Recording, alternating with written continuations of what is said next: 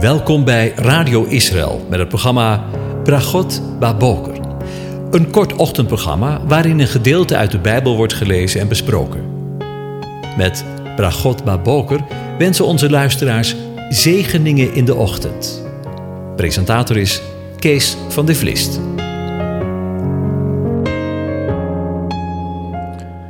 Goedemorgen, Bokatov, beste luisteraars.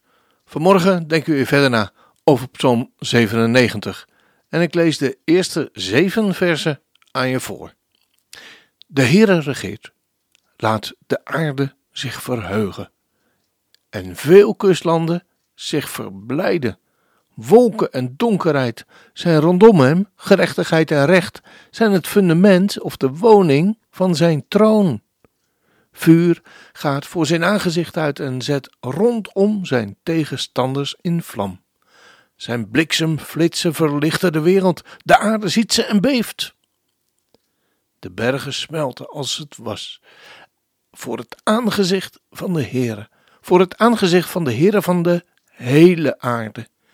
De hemel verkondigt zijn gerechtigheid en alle volken zien zijn heerlijkheid. Beschaamd moeten ze zijn, die alle die op beelden dienen, die zich op afgoden beroemen. Pak je voor hem neer, alle goden? Tot zover. Over aanbidding gesproken. Vandaag wil ik met je nadenken over het laatste vers van Psalm 97, vers 7.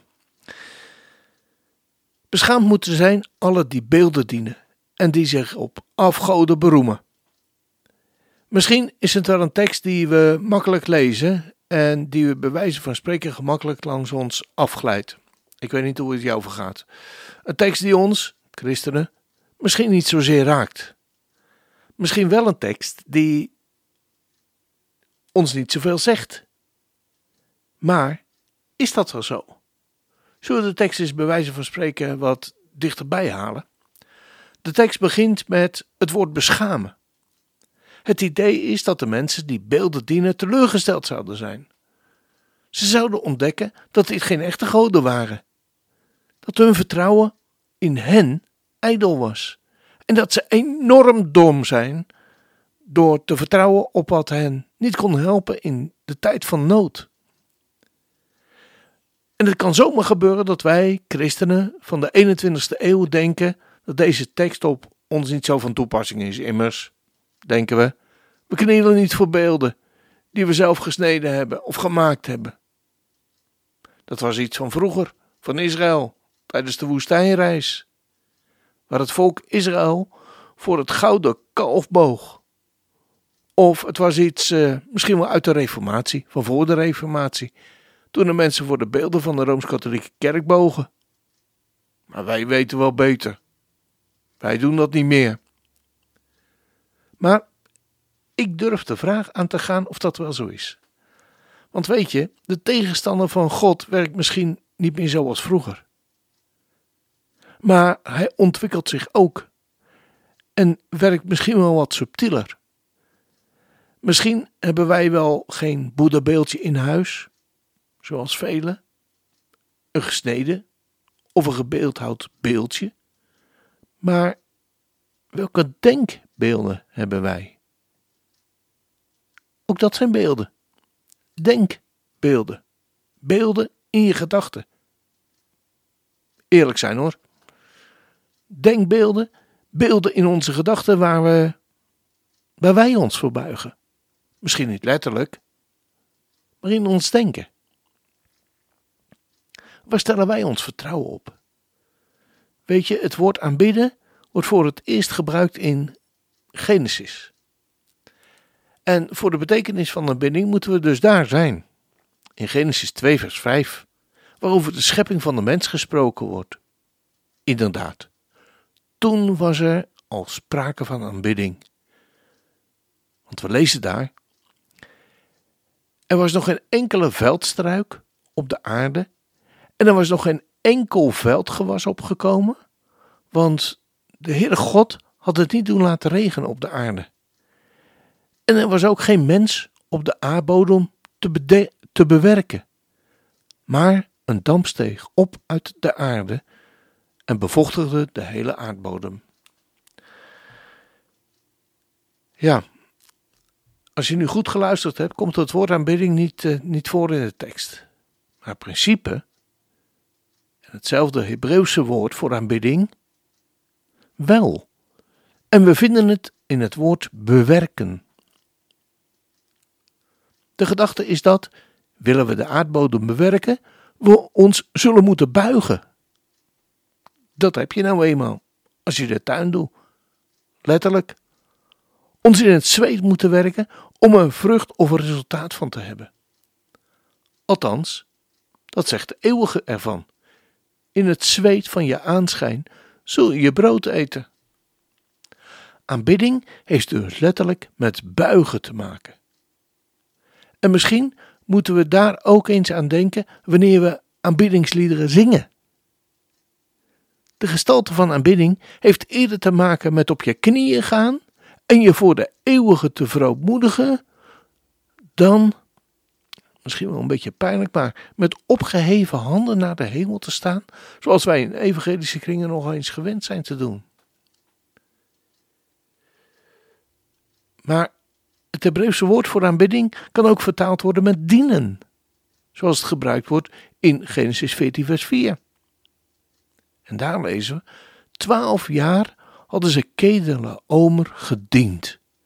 Maar in het dertiende jaar kwamen zij in opstand. En de vraag is dan: wie dienen wij vandaag? Onze eigen geneugde? Onze bankrekening? Of zijn we er vandaag, morgen en alle dagen die ons resten beschikbaar voor Hem en voor Hem alleen? En dan als laatste wordt het Hebreeuwse woord voor de aanbidding vertaald met slavenarbeid en verdrukking. Zoals we dat lezen in Genesis 15, vers 13. Toen zei de eeuwige tegen Abraham: Weet wel dat uw nakobelingen vreemdelingen zullen zijn in een land dat niet van hen is. Ze zullen hen dienen en men zal hen 400 jaar onderdrukken. Aanbidding houdt dus verband met slavenarbeid en onderdrukking. En naar aanleiding van het voorgaande is dus de vraag gerechtvaardigd voor welke beelden, denkbeelden wij ons dagelijks in het zweet werken. En waaraan wij verslaafd zijn geraakt. En denk niet te snel van, nou, dat is niet op mij van toepassing hoor.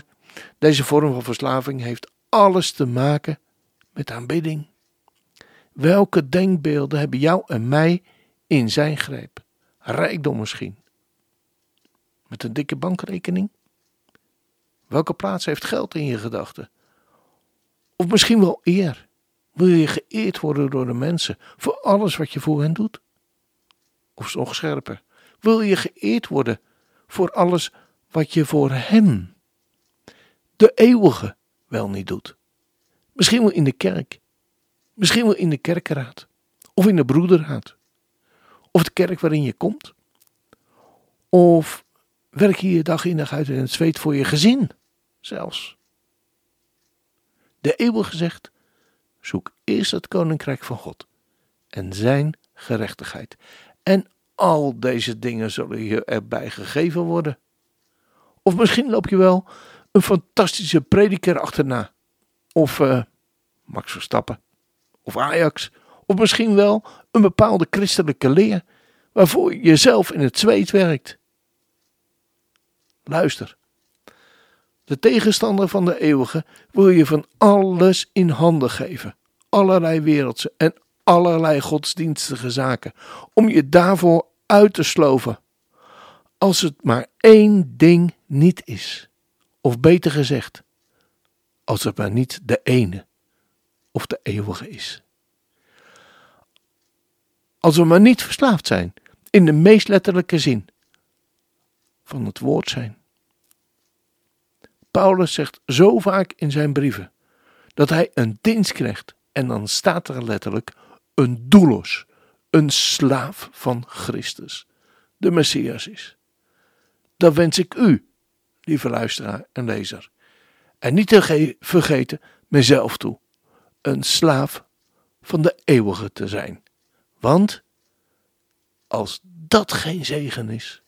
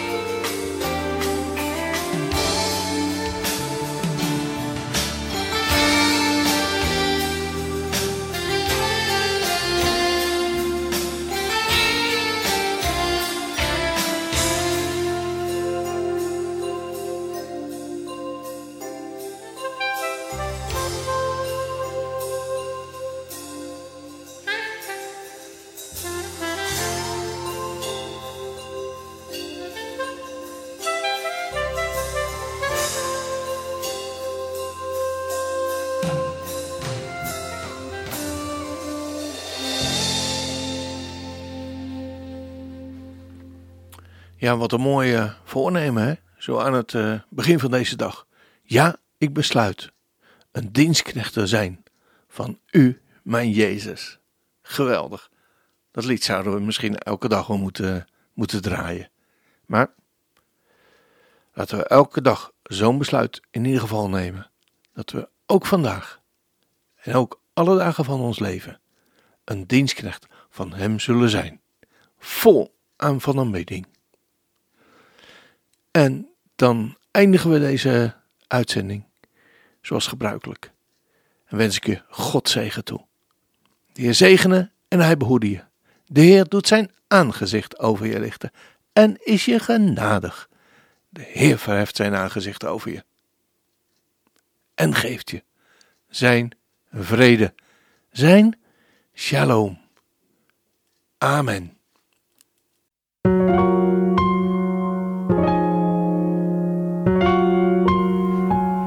U hebt geluisterd naar het programma Bragot Baboker. Een kort ochtendprogramma waarin een gedeelte uit de Bijbel wordt gelezen en besproken. Wilt u het programma nog eens naluisteren, dan kan dat. Ga naar radioisrael.nl en klik onder het kopje radio op Uitzending gemist.